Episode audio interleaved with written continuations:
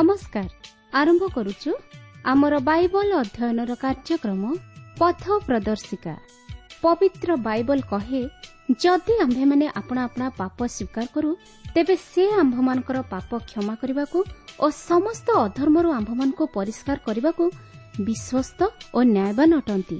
ଆସନ୍ତୁ ସେହି ଉଦ୍ଧାରକର୍ତ୍ତାଙ୍କର ପରିଚୟ ପାଇବା ନିମନ୍ତେ ଶୁଣିବା ବେତାର କାର୍ଯ୍ୟକ୍ରମ ପଥ ପ୍ରଦର୍ଶିକା।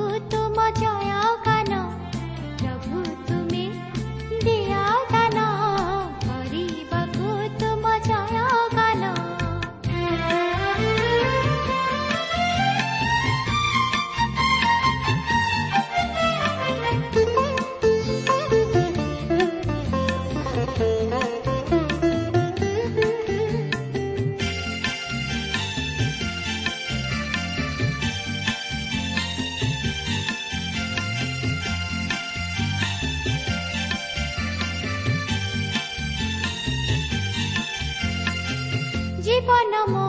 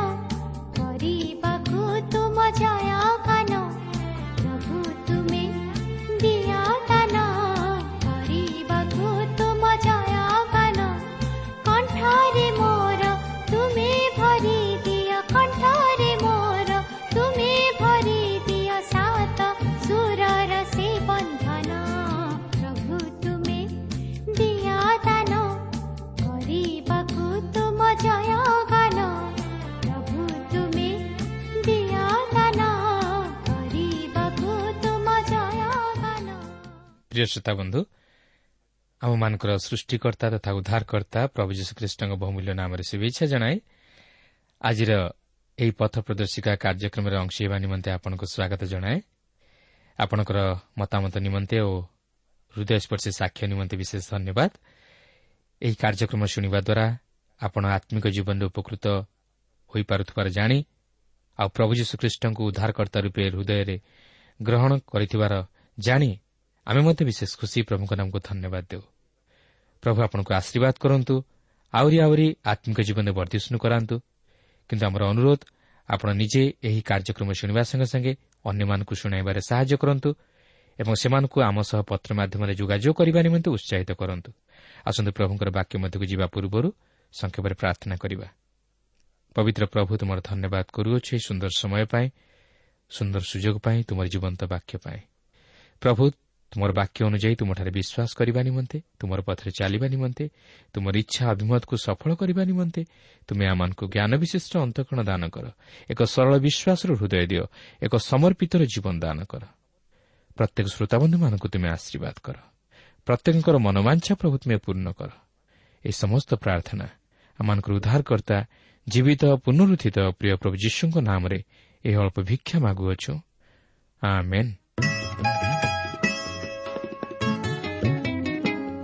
ଆସନ୍ତୁ ବର୍ତ୍ତମାନ ଆମେ ପ୍ରଭୁଙ୍କର ବାକ୍ୟ ମଧ୍ୟକୁ ଯିବା। ଆଜି ଆମେ ଜୋହନି ଲିଖିତ ସୁଷମାଚାରର ଛଅ ପର୍ବର ଷାଠିଏ ପଦରୁ ଆରମ୍ଭ କରି ସାତ ପର୍ବର ଛତିଶ ପଦ ପର୍ଯ୍ୟନ୍ତ ଅଧ୍ୟୟନ କରିବା ନିମନ୍ତେ ଯିବା। ଏଠାରେ ମୁଁ ଆପଣଙ୍କୁ ସ୍ମରଣ କରାଇଦେବାକୁ ଚାହେଁ ଯେ ଗତ ପାଠରେ ଆମେ ଦେଖିଥିଲୁ ଯୀଶୁ ଯେ ନିଜେ ସେହି ଜୀବନଦାୟକ ଆହାର ତାହା ସେ ଜିହୁଦୀମାନଙ୍କୁ ଓ ତାଙ୍କର ଶିଷ୍ୟମାନଙ୍କୁ ଓ ତାହାଙ୍କର ଅନୁଗମନ କରୁଥିବା ଅନେକ ଲୋକମାନଙ୍କୁ ଶିକ୍ଷା ଦେଇଥିଲେ। କିନ୍ତୁ ଏହି କଥାରେ ସେମାନଙ୍କ ମଧ୍ୟରେ କି ପ୍ରକାର ପ୍ରତିକ୍ରିୟା ସୃଷ୍ଟି ହୋଇଛି ଆସନ୍ତୁ ତାହା ଲକ୍ଷ୍ୟ କରିବା। ଦେଖନ୍ତୁ ଷାଠିଏ ପଦରେ ଏହିପରି ଲେଖା ଅଛି। ଅତେବେ ତାହାଙ୍କ ଶିଷ୍ୟମାନଙ୍କ ମଧ୍ୟରୁ ଅନେକ ଏହା ଶୁଣି କହିଲେ ଏ ଘୃଣାଜନକ କଥା କିଏ ଏହା ଶୁଣିପାରେ? ତେବେ ଏଠାରେ କେବଳ ଦ୍ୱାଦଶ ଶିଷ୍ୟମାନେ ନ ଥିଲେ ସେମାନଙ୍କ ସହିତ ଅନ୍ୟ ଶିଷ୍ୟମାନେ ମଧ୍ୟ ଥିଲେ। ସେହି ଅନ୍ୟ ଶିଷ୍ୟମାନଙ୍କ ମଧ୍ୟରୁ ଅନେକ ଜୁହୁଦୀମାନଙ୍କର ନେତା ଥିଲେ। ଅନେକ ଯଦିଓ ତାହାଙ୍କର ଅନୁଗମନ କରୁଥିଲେ ମାତ୍ର ସେମାନଙ୍କ ମଧ୍ୟରୁ ଅନେକ ତାହାଙ୍କର ବିରୋଧୀ ଥିଲେ ଓ ଏଥିସହିତ ଅନେକ ଏହିପରି ଶିଷ୍ୟମାନେ ଥିଲେ ଯେଉଁମାନେ କି ଶିଷ୍ୟ ଉପାଧିଧାରୀ ନ ଥିଲେ ତେଣୁକରି ଏହିପରି ଏକ ଦଳ ତାହାଙ୍କର ବଚସା କରୁଅଛନ୍ତି ଓ ବିଭିନ୍ନ ପ୍ରକାର ମତବ୍ୟକ୍ତ କରୁଅଛନ୍ତି। କାରଣ ସେମାନେ ଯୀଶୁଙ୍କଠାରେ ବାସ୍ତବରେ ବିଶ୍ୱାସ କରୁନଥିଲେ। ଏପରିକି ଦ୍ୱାଦଶ ଶିଷ୍ୟମାନଙ୍କ ମଧ୍ୟରୁ ଇସ୍କାରିୟତ୍ ଜିହୁଦା ମଧ୍ୟ ସେଠାରେ ଥିଲା। ଓ ସେ ଯେ ଯୀଶୁଙ୍କୁ ଶତ୍ରୁ ହସ୍ତରେ ସମର୍ପଣ କରିବାକୁ ଯାଉଥିଲା ତାହା ମଧ୍ୟ ଯୀଶୁ ଜାଣିଥିଲେ। ଯାହାକି ଚଉଷଠି ପଦରେ ଲେଖା ଅଛି। ତେବେ ଦେଖନ୍ତୁ ଯୀଶୁ ସେମାନଙ୍କୁ କି ଉତ୍ତର ଦେଉଛନ୍ତି? ଏକଷଠି ପଦରୁ ତେଷଠି ପଦରେ ଲେଖା ଅଛି କିନ୍ତୁ ଯୀଶୁ ତାହାଙ୍କ ଶିଷ୍ୟମାନେ ଯେ ସେ ବିଷୟରେ ବଚସା କରୁଅଛନ୍ତି ତାହା ଅନ୍ତରରେ ଅବଗତ ହୋଇ ସେମାନଙ୍କୁ କହିଲେ ଏହା କ'ଣ ତୁମମାନଙ୍କର ବିଘ୍ନର କାରଣ ହେଉଅଛି? ତାହେଲେ ମନୁଷ୍ୟପୁତ୍ର ପୂର୍ବରେ ଯେଉଁ ସ୍ଥାନରେ ଥିଲେ ସେ ସ୍ଥାନକୁ ଯେବେ ତାହାଙ୍କୁ ଆରୋହଣ କରିବା ଦେଖିବ ତେବେ କ'ଣ? ଆତ୍ମା ଜୀବନଦାୟକ ମାଂସ କୌଣସି ଉପକାର କରେ ନାହିଁ। ମୁଁ ତୁମମାନଙ୍କୁ ଯେ ସମସ୍ତ ବାକ୍ୟ କହିଅଛି ସେହିସବୁ ଆତ୍ମା ଓ ଜୀବନ ଅଟେ। ବାସ୍ତବରେ ପ୍ରଭୁ ଯୀଶୁ ଯାହା କହିଥିଲେ ସେହି କଥାରେ ସେମାନଙ୍କ ମଧ୍ୟରେ ଭିନ୍ନ ଭିନ୍ନ ମତାମତ ପ୍ରକାଶ ପାଇଥିଲା। କାରଣ ସେମାନେ ଯୀଶୁଙ୍କୁ ବାସ୍ତବ ଭାବରେ ବିଶ୍ୱାସ କରିପାରି ନ ଥିଲେ ତେଣୁ ଯୀଶୁ ସେମାନଙ୍କୁ କହୁଛନ୍ତି ତୁମେମାନେ ପ୍ରକୃତରେ ମୋହର ମାଂସ ଭୋଜନ କରିବାକୁ ଯାଉନାହ। କାରଣ ମୁଁ ସ୍ୱର୍ଗକୁ ପିତାଙ୍କ ନିକଟକୁ ଯାଉଅଛି। କିନ୍ତୁ ମୁଁ ଯେଉଁ ସମସ୍ତ ବାକ୍ୟ ତୁମମାନଙ୍କୁ କହେ ତାହା ଆତ୍ମା ଓ ଜୀବନ ସମ୍ବନ୍ଧୀୟ। ପ୍ରକୃତରେ ପ୍ରିୟ ବନ୍ଧୁ ପ୍ରଭୁ ଯୀଶୁ ତାଙ୍କର ଶରୀର ସମ୍ବନ୍ଧୀୟ ନେଇ କହିନଥିଲେ ମାତ୍ର ଏକ ଆତ୍ମିକ ଦୃଷ୍ଟିକୋଣରୁ ନେଇ ସେ ଯେ ସେହି ଜୀବନଦାୟକ ଆହାର ତାହା ପ୍ରକାଶ କରିଥିଲେ। ତେଣୁ ଆଜି ଆମେ ଯେଉଁ ପ୍ରଭୁ ଭୋଜ ପାଳନ କରୁ ତାହା ବିଶ୍ୱାସ ସମ୍ବନ୍ଧୀୟ ଓ ତାହା ଆତ୍ମିକ।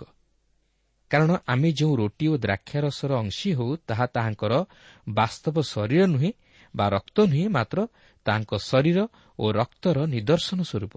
ଓ ଆମେ ଯେତେବେଳେ ସେହି ଭୋଜର ଅଂଶୀ ହେଉ ସେତେବେଳେ ଆମେ ତାଙ୍କର ସେହି କୃଷି ମୃତ୍ୟୁକୁ ସ୍ମରଣ କରି ବିଶ୍ୱାସରେ ତାହା ଗ୍ରହଣ କରୁ। ଏଠାରେ ମଧ୍ୟ ଆପଣ ଆଉ ଏକ ବିଷୟ ଲକ୍ଷ୍ୟ କରିବେ ଯାହାକି ତେଷଠି ପଦରେ ଲେଖା ଅଛି। ଯୀଶୁ କହନ୍ତି ମୁଁ ତୁମମାନଙ୍କୁ ଯେ ସମସ୍ତ ବାକ୍ୟ କହିଅଛି ସେହିସବୁ ଆତ୍ମା ଓ ଜୀବନ ଅଟେ ଅର୍ଥାତ୍ ପ୍ରଭୁ ଯୀଶୁଙ୍କର ବାକ୍ୟ ଆତ୍ମା ଓ ଜୀବନ ଅଟେ। ଯେଉଁ ବାକ୍ୟକୁ ହୃଦୟରେ ଗ୍ରହଣ କରିବା ଦ୍ୱାରା ମନୁଷ୍ୟ ଆତ୍ମିକ ଜୀବନରେ ବୃଦ୍ଧି ଲାଭ କରେ ଓ ବାସ୍ତବ ଜୀବନ ପାଏ। କିନ୍ତୁ ଦୁଃଖର ବିଷୟ ସେଦିନ ତାଙ୍କର ସେହି ଶିଷ୍ୟମାନେ ତାହା ବୁଝିପାରିନଥିଲେ ତାଙ୍କର ସେହି ଶିଷ୍ୟମାନଙ୍କ ମଧ୍ୟରୁ ଓ ସେହି ଜିହୁଦୀ ନେତାମାନଙ୍କ ମଧ୍ୟରୁ ଅନେକ ତାହାଙ୍କର ବାକ୍ୟରେ ବିଶ୍ୱାସ କରିନଥିଲେ ଓ ତାଙ୍କର ମନୋନୀତ ଦ୍ୱାଦଶ ଶିଷ୍ୟମାନଙ୍କ ମଧ୍ୟରୁ ଇସ୍କାରିୟତ ଜିହୁଦା ମଧ୍ୟ ତାହାଙ୍କୁ ଶତ୍ରୁ ହସ୍ତରେ ସମର୍ପଣ କରିଥିଲା ଯାହାକି ସେ ତାହା ଘଟିବା ପୂର୍ବରୁ ପରିଷ୍କାର ଭାବେ ଜଣାଇ ଦିଅନ୍ତି। ତାହା ଆପଣ ଚଉଷଠି ପଦରେ ଦେଖିବାକୁ ପାରିବେ। ଏହାପରେ ଦେଖନ୍ତୁ ଯୀଶୁ ଦ୍ୱାଦଶ ଶିଷ୍ୟଙ୍କୁ କ'ଣ କହୁଅଛନ୍ତି। ଛଅଷଠି ପଦରୁ ଏକସ୍ତରୀ ପଦରେ ଲେଖା ଅଛି ସେହି ସମୟଠାରୁ ତାହାଙ୍କ ଶିଷ୍ୟମାନଙ୍କ ମଧ୍ୟରୁ ଅନେକ ବିମୁଖ ହୋଇ ବାହାରିଗଲେ। ପୁଣି ତାହାଙ୍କ ସାଙ୍ଗରେ ଆଉ ଗମନାଗମନ କଲେ ନାହିଁ। ସେଥିରେ ଯୀଶୁ ଦ୍ୱାଦଶଙ୍କୁ ପଚାରିଲେ ତୁମେମାନେ ମଧ୍ୟ କ'ଣ ଚାଲିଯିବାକୁ ଇଚ୍ଛା କରୁଅଛ? ସିମନ ପିତର ତାହାଙ୍କୁ ଉତ୍ତର ଦେଲେ ପ୍ରଭୁ କାହା ପାଖକୁ ଯିବା? ଆପଣଙ୍କ ପାଖରେ ଅନନ୍ତ ଜୀବନର ବାକ୍ୟ ଅଛି। ଆଉ ଆପଣ ଯେ ଈଶ୍ୱରଙ୍କର ସେହି ପବିତ୍ର ପୁରୁଷ ଏହା ଆମେମାନେ ବିଶ୍ୱାସ କରିଅଛୁ ଓ ଜାଣିଅଛୁ। ଯୀଶୁ ସେମାନଙ୍କୁ ଉତ୍ତର ଦେଲେ ମୁଁ କ'ଣ ତୁମ ଦ୍ୱାଦଶଙ୍କୁ ମନୋନୀତ କରିନାହିଁ?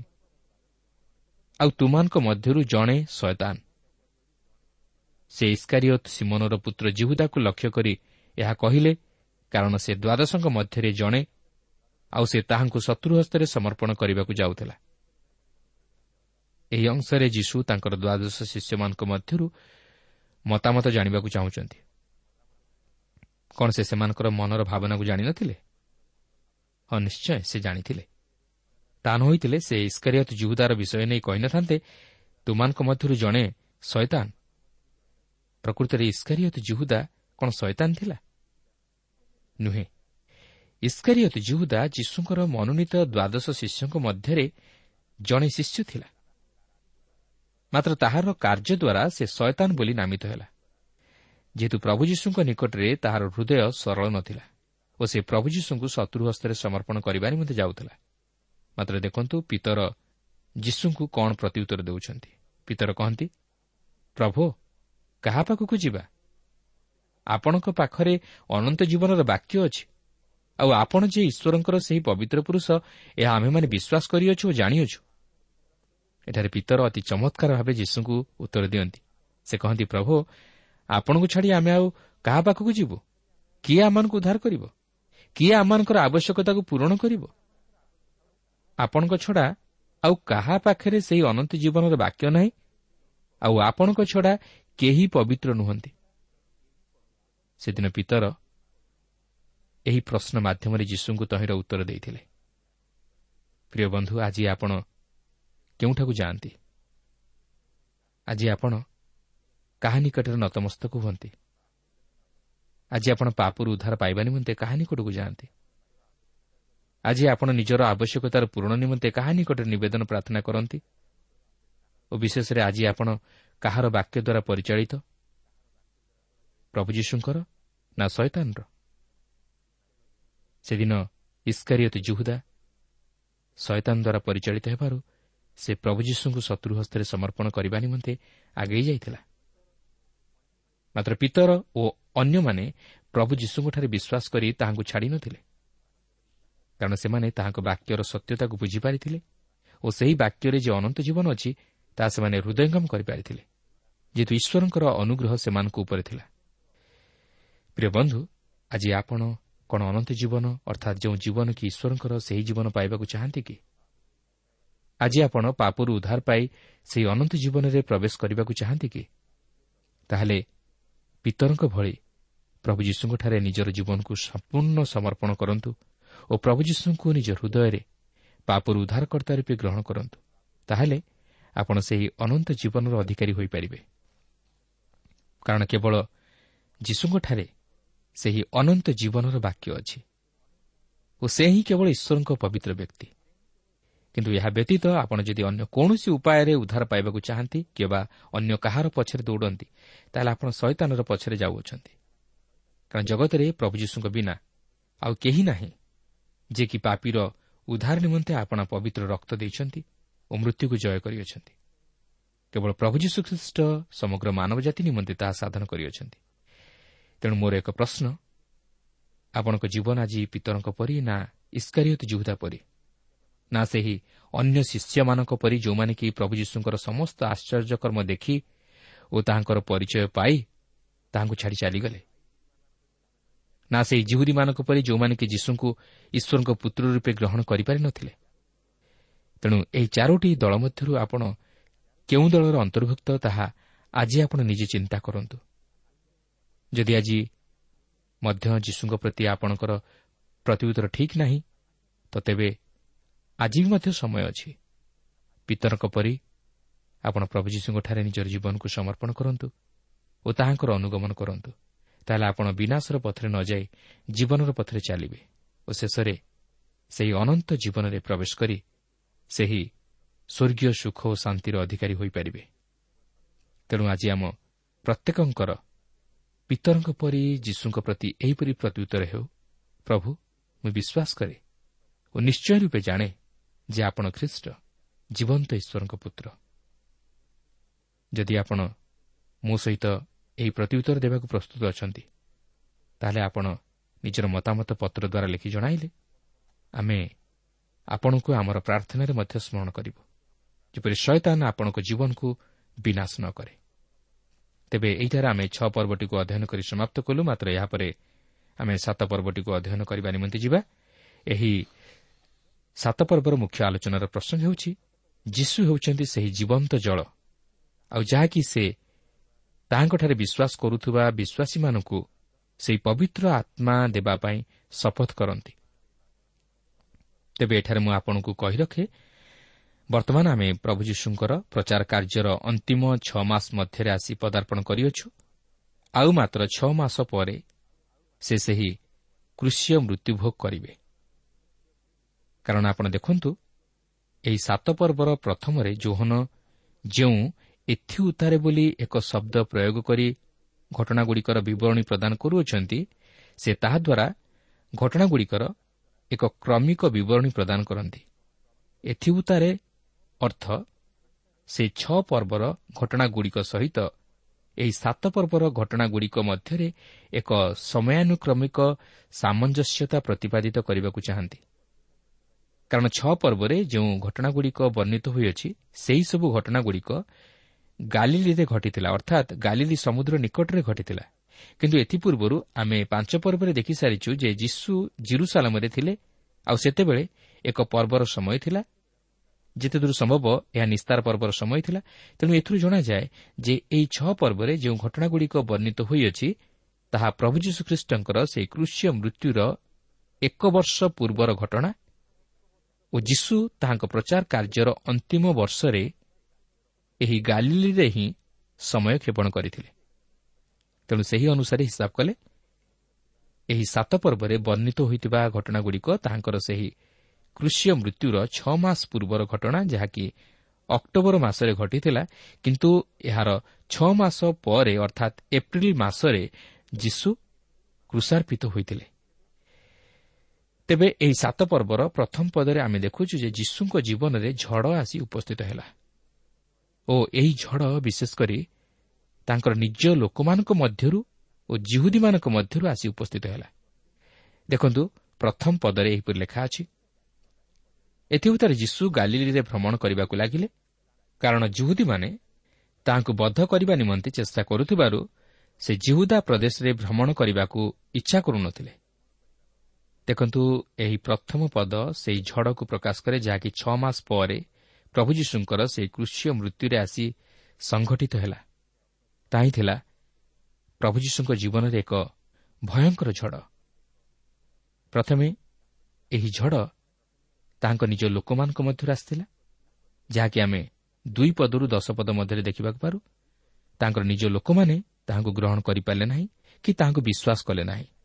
ଏପରିକି ତାଙ୍କର ଭାଇମାନେ ସୁଦ୍ଧା ତାହାଙ୍କଠାରେ ବିଶ୍ୱାସ କଲେ ନାହିଁ। ଏହାପରେ ଏଗାର ପଦରୁ ଛତିଶ ପଦ ମଧ୍ୟରେ ଆପଣ ଦେଖିବାକୁ ପାରିବେ ଯେ ଜିହୁଦୀ ନେତାମାନେ ମଧ୍ୟ ଯୀଶୁଙ୍କ ବିରୁଦ୍ଧରେ ଯାଇ ତାହାଙ୍କୁ ବଦ୍ଧ କରିବାକୁ ଚେଷ୍ଟା କଲେ। କାରଣ ସେମାନେ ଯୀଶୁଙ୍କୁ ଈଶ୍ୱରଙ୍କ ପୁତ୍ର ତଥା ଜଗତର ଉଦ୍ଧାରକର୍ତ୍ତା ରୂପେ ଗ୍ରହଣ କରିବା ନିମନ୍ତେ ପ୍ରସ୍ତୁତ ନ ଥିଲେ ତେବେ ଆମେ ବର୍ତ୍ତମାନ ଏହି ଅଂଶଟିକୁ ଅଧ୍ୟୟନ କରିବାକୁ ଯିବା ନାହିଁ। କିନ୍ତୁ ଏହି ଅଂଶ ମଧ୍ୟରେ ଆମେ ଦେଖିବାକୁ ପାରୁଛୁ ଯେ ଯୀଶୁ ଗାଲିଲିରୁ ଜିରୁସାଲମକୁ ଅର୍ଥାତ୍ ଜିହୁଦା ପ୍ରଦେଶକୁ ଯାଇଛନ୍ତି। କାରଣ ସେତେବେଳେ କୁଟୀରବାସ ପର୍ବର ସମୟ ଥିଲା ଓ ସେ ମଧ୍ୟ ସେହି ପର୍ବ ପାଳନ କରିବାକୁ ଯାଇଥିଲେ। ଓ ଏହି ସମୟରେ ସେ ମନ୍ଦିର ମଧ୍ୟକୁ ଯାଇ ଶିକ୍ଷା ଦେବାକୁ ଲାଗିଲେ ମାତ୍ର ଜୁହୁଦୀ ନେତାମାନେ ତାହାଙ୍କ ଶିକ୍ଷାରେ ଉତ୍ତେଜିତ ହୋଇ ତାହାଙ୍କୁ ବଦ୍ଧ କରିବା ପାଇଁ ଚେଷ୍ଟା କଲେ। ଆଉ ବିଶେଷ କରି ଫାରୁସି ଓ ଯାଜକ ଶ୍ରେଣୀର ଲୋକମାନେ ତାହାଙ୍କୁ ଧରିବା ନିମନ୍ତେ ଚକ୍ରାନ୍ତ କଲେ। କିନ୍ତୁ ତାହାଙ୍କ ସମୟ ସେ ପର୍ଯ୍ୟନ୍ତ ଆସି ଉପସ୍ଥିତ ହୋଇନଥିବାରୁ ସେମାନେ ତାହାଙ୍କୁ ଧରିବା ପାଇଁ ସାହସ କଲେ ନାହିଁ। କିନ୍ତୁ ତଥାପି ଲୋକସମୂହ ମଧ୍ୟରୁ ଅନେକ ତାହାଙ୍କଠାରେ ବିଶ୍ୱାସ କରିଥିଲେ। ତେବେ ଏଠାରେ ଆପଣଙ୍କ ମନରେ ପ୍ରଶ୍ନ ଉଠିପାରେ ଯେ ସେହି କୁଟୀରବାସ ପର୍ବ କ'ଣ? ଆପଣ ଜାଣିଥିବେ ଯେ ମୁଖ୍ୟତଃ ତିନୋଟି ପର୍ବରେ ଜିହୁଦୀ ଜାତିର ସମସ୍ତ ପୁରୁଷମାନେ ଜିରୁସାଲାମରେ ଏକତ୍ରିତ ହୋଇ ପର୍ବ ପାଳନ କରୁଥିଲେ ଓ ପ୍ରତିବର୍ଷ ଏହି ତିନୋଟି ପର୍ବ ପାଳନ କରିବା ନିମନ୍ତେ ସେମାନେ ଜିରୁସାଲାମକୁ ଯାଉଥିଲେ। ଆଉ ସେହି ତିନୋଟି ପର୍ବ ହେଲା ନିସ୍ତାର ପର୍ବ ପତ୍ରକୁଟୀର ପର୍ବ ବା କୁଟୀରବାସ ପର୍ବ ଓ ତୃତୀୟଟି ହେଲା ପେଣ୍ଟିକଷ୍ଟ ପର୍ବ। ତେବେ ଏହି ତିନୋଟି ଯାକ ପର୍ବ ସମ୍ପର୍କରେ ଆମେ ପୂର୍ବରୁ ଆଲୋଚନା କରିସାରିଛୁ ତେଣୁକରି ଏଠାରେ ମୁଁ ତାହା ପୁନର୍ବାର ଆଉ ବ୍ୟାଖ୍ୟା କରିବାକୁ ଯାଉନାହିଁ। ମାତ୍ର ଆପଣ ଯଦି ପୁନର୍ବାର ଜାଣିବାକୁ ଚାହାନ୍ତି ତାହେଲେ ପତ୍ର ମାଧ୍ୟମରେ ଲେଖି ଜଣାଇଲେ ଆମେ ତହିଁର ଉତ୍ତର ପତ୍ର ମାଧ୍ୟମରେ ଦେବା ପାଇଁ ଚେଷ୍ଟା କରିବୁ। କିନ୍ତୁ ଏଠାରେ ମୁଁ ପତ୍ରକୁଟୀର ପର୍ବ ବା କୁଟୀରବାସ ପର୍ବ ସମ୍ପର୍କରେ ଆପଣଙ୍କୁ କିଛି ଜଣାଇବାକୁ ଚାହେଁ। ଜିହୁଦୀ ଲୋକମାନେ ଏହି ପତ୍ରକୁଟୀର ପର୍ବ ପାଳନ କରିବାର ମୁଖ୍ୟ ଉଦ୍ଦେଶ୍ୟ ଥିଲା ଯେ ଇସ୍ରାଏଲ୍ ସନ୍ତାନଗଣ ସେହି ମିଶ୍ର ଦେଶରୁ ବାହାର ହୋଇ ଆସିବା ପରେ ଦୀର୍ଘ ଚାଳିଶ ବର୍ଷ ଧରି ପ୍ରାନ୍ତର ଭ୍ରମଣ କରିବା ସମୟରେ ସେମାନେ ଯେଉଁସବୁ ପତ୍ର କୁଟୀରରେ ବାସ କରିଥିଲେ ସେହିସବୁ ବିଷୟକୁ ସ୍ମରଣ କରି ଓ ସେମାନଙ୍କ ପ୍ରତି ଈଶ୍ୱରଙ୍କର ଯେଉଁ ସମସ୍ତ ଅନୁଗ୍ରହ ଥିଲା ସେହିସବୁକୁ ସ୍ମରଣ କରି ଏହି ଜୁହୁଦୀ ଲୋକମାନେ ସେହି ପତ୍ର କୁଟୀର ପର୍ବ ପାଳନ କରୁଥିଲେ। ତେବେ ଏହି ପର୍ବ ସମୟରେ ସେମାନେ ତୁରି ବଜାଉଥିଲେ ଓ ସତୁରିଟି ବୃଷକୁ ବଳିଦାନ କରୁଥିଲେ। ଏହି ପର୍ବକୁ ସେମାନେ ମହା ଆନନ୍ଦ ଓ ଉଲ୍ଲାସର ସହିତ ପାଳନ କରୁଥିଲେ। ଯାହାକି ଆପଣ ପୁରାତନ ନିୟମରେ ଲେବିୟ ପୁସ୍ତକ ତହିଁର ତେଇଶ ପର୍ବରେ ଦେଖିବାକୁ ପାରିବେ ଯେ ଇସ୍ରାଏଲ୍ ଲୋକମାନେ କିପରି ସେହି ପତ୍ରକୁଟୀର ପର୍ବ ପାଳନ କରୁଥିଲେ। ତେବେ ଏହି ପୁରାତନ ନିୟମରେ ଥିବା ସମସ୍ତ ପର୍ବ ନୂତନ ନିୟମରେ ପ୍ରଭୁ ଯୀଶୁଖ୍ରୀଷ୍ଟଙ୍କ ଜୀବନରେ ସଫଳ ହୋଇଯାଇଛି। କାରଣ ପ୍ରଭୁ ଯୀଶୁଖ୍ରୀଷ୍ଟ ସେହି ନିସ୍ତାର ପର୍ବର ମେଷଶାବକ ରୂପେ ଆମମାନଙ୍କ ପାପ ନିମନ୍ତେ ବଳିକୃତ ହେଲେ ଓ ପେଣ୍ଟିକଷ୍ଟ ଦିନରେ ମଧ୍ୟ ଆମେ ଦେଖୁ ଯେ ଯୀଶୁ ତାଙ୍କର ପ୍ରତିଜ୍ଞା ଅନୁଯାୟୀ ପବିତ୍ର ଆତ୍ମାଙ୍କୁ ପଠାଇଲେ। ଯଦ୍ୱାରା ଏହି ପେଣ୍ଟିକଷ୍ଟ ଦିନ ଯୀଶୁଙ୍କର ଶିଷ୍ୟମାନେ ପବିତ୍ର ଆତ୍ମାଙ୍କ ଶକ୍ତିରେ ପରିପୂର୍ଣ୍ଣ ହୋଇ ପ୍ରଚାର କାର୍ଯ୍ୟ ନିମନ୍ତେ ଅଗ୍ରସର ହେଲେ ଓ ଖ୍ରୀଷ୍ଟୀୟ ମଣ୍ଡଳୀ ଏହି ଦିନ ଜନ୍ମଲାଭ କଲା।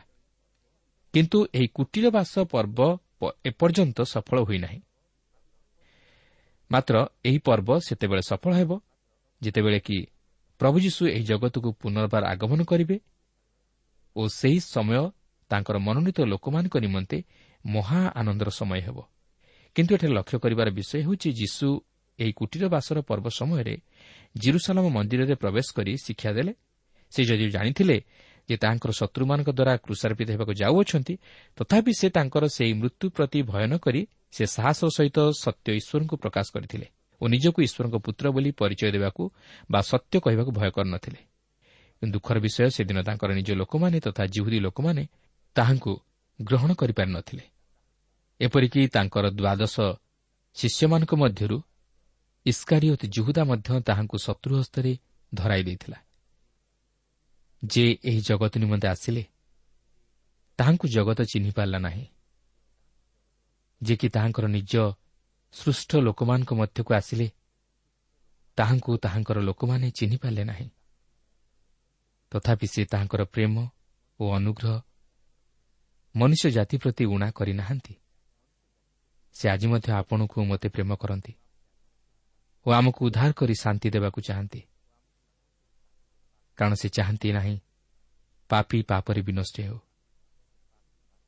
ତେଣୁକରି ସେ ସେଦିନ ସେହି ପର୍ବର ଶେଷ ଦିନ ଅର୍ଥାତ୍ ପର୍ବର ପ୍ରଧାନ ଦିନ ଏହି ଆହ୍ୱାନ ଦେଇଥିଲେ କେହି ଯଦି ତୃଷିତ ହୁଏ ତେବେ ସେ ମୋ ନିକଟକୁ ଆସି ପାନ କରୁ। ଓ ସେ ଆଜି ମଧ୍ୟ ଆମକୁ ଏହି ଆହ୍ୱାନ ଦିଅନ୍ତି ଯେ ହେ ତୃଷିତ ଲୋକ ସକଳ ତୁମେମାନେ ମୋ ନିକଟକୁ ଆସ। କ'ଣ ଆମେ ଆଜି ତୃଷିତ କି? ଆଜି କ'ଣ ଆମେ ଯୀଶୁଙ୍କ ନିକଟକୁ ଯାଇ ନିଜର ଆତ୍ମିକ ତୃଷାକୁ ମେଣ୍ଟାଇବାକୁ ଚାହୁଁ କି? ତାହେଲେ ଆଜି ତାହା କରୁ। ଓ ଆଜି ସେହି ଦୃଢ଼ ପଦକ୍ଷେପ ଆମେ ଆମ ଜୀବନରେ ଗ୍ରହଣ କରୁ। ତାହେଲେ ଆମେ ପ୍ରଭୁ ଯୀଶୁଙ୍କର ବାସ୍ତବ ପ୍ରେମର ପରିଚୟ ପାଇପାରିବା ଓ ତାହାଙ୍କର କୃଷି ମୃତ୍ୟୁର ବାସ୍ତବ ମୂଲ୍ୟାଙ୍କନ କରିପାରିବା।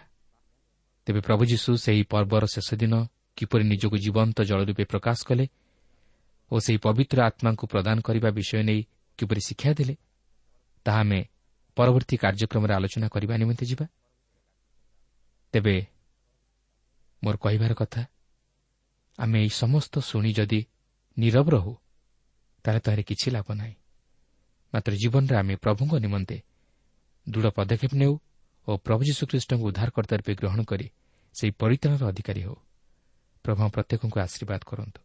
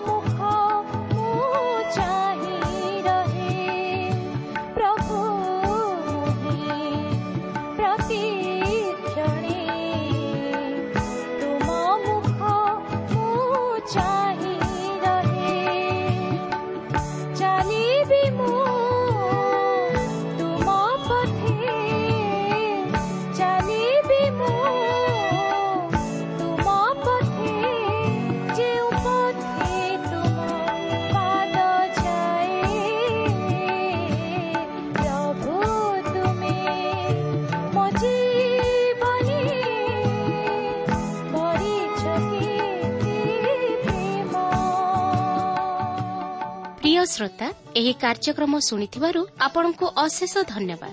ଏହି କାର୍ଯ୍ୟକ୍ରମ ଆପଣଙ୍କୁ କିପରି ଲାଗିଲା ଓ କେଉଁ ବିଷୟଟି ଆପଣଙ୍କ ହୃଦୟକୁ ଅଧିକ ସ୍ପର୍ଶ କରିଛି ତାହା ଲେଖି ଜଣାଇଲେ ଆମେ ବିଶେଷ ଉପକୃତ ହେବୁ। ଯଦି କିଛି ପ୍ରଶ୍ନ ବା ସନ୍ଦେହ ଥାଏ ତାହା ପତ୍ର ମାଧ୍ୟମରେ ଅଥବା ଟେଲିଫୋନ୍ ଯୋଗେ ଆମକୁ ଜଣାନ୍ତୁ। ଆମର ଠିକଣା ପଥ ପ୍ରଦର୍ଶିକା Trans World radio India post box number ତିନି ତିନି ଭୁବନେଶ୍ୱର ସାତ ପାଞ୍ଚ ଏକ ଶୂନ ଶୂନ ଏକ। Mobile number double seven double two one four one five ଠିକଣାଟି ଆଉଥରେ ଶୁଣନ୍ତୁ।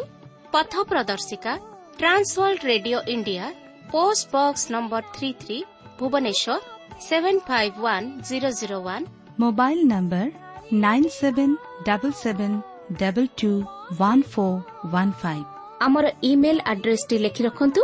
Odia TV at radio eight eight two dot com ତେବେ ଆଜି ପାଇଁ ଏଠାରେ ରଖୁଛୁ। ନମସ୍କାର।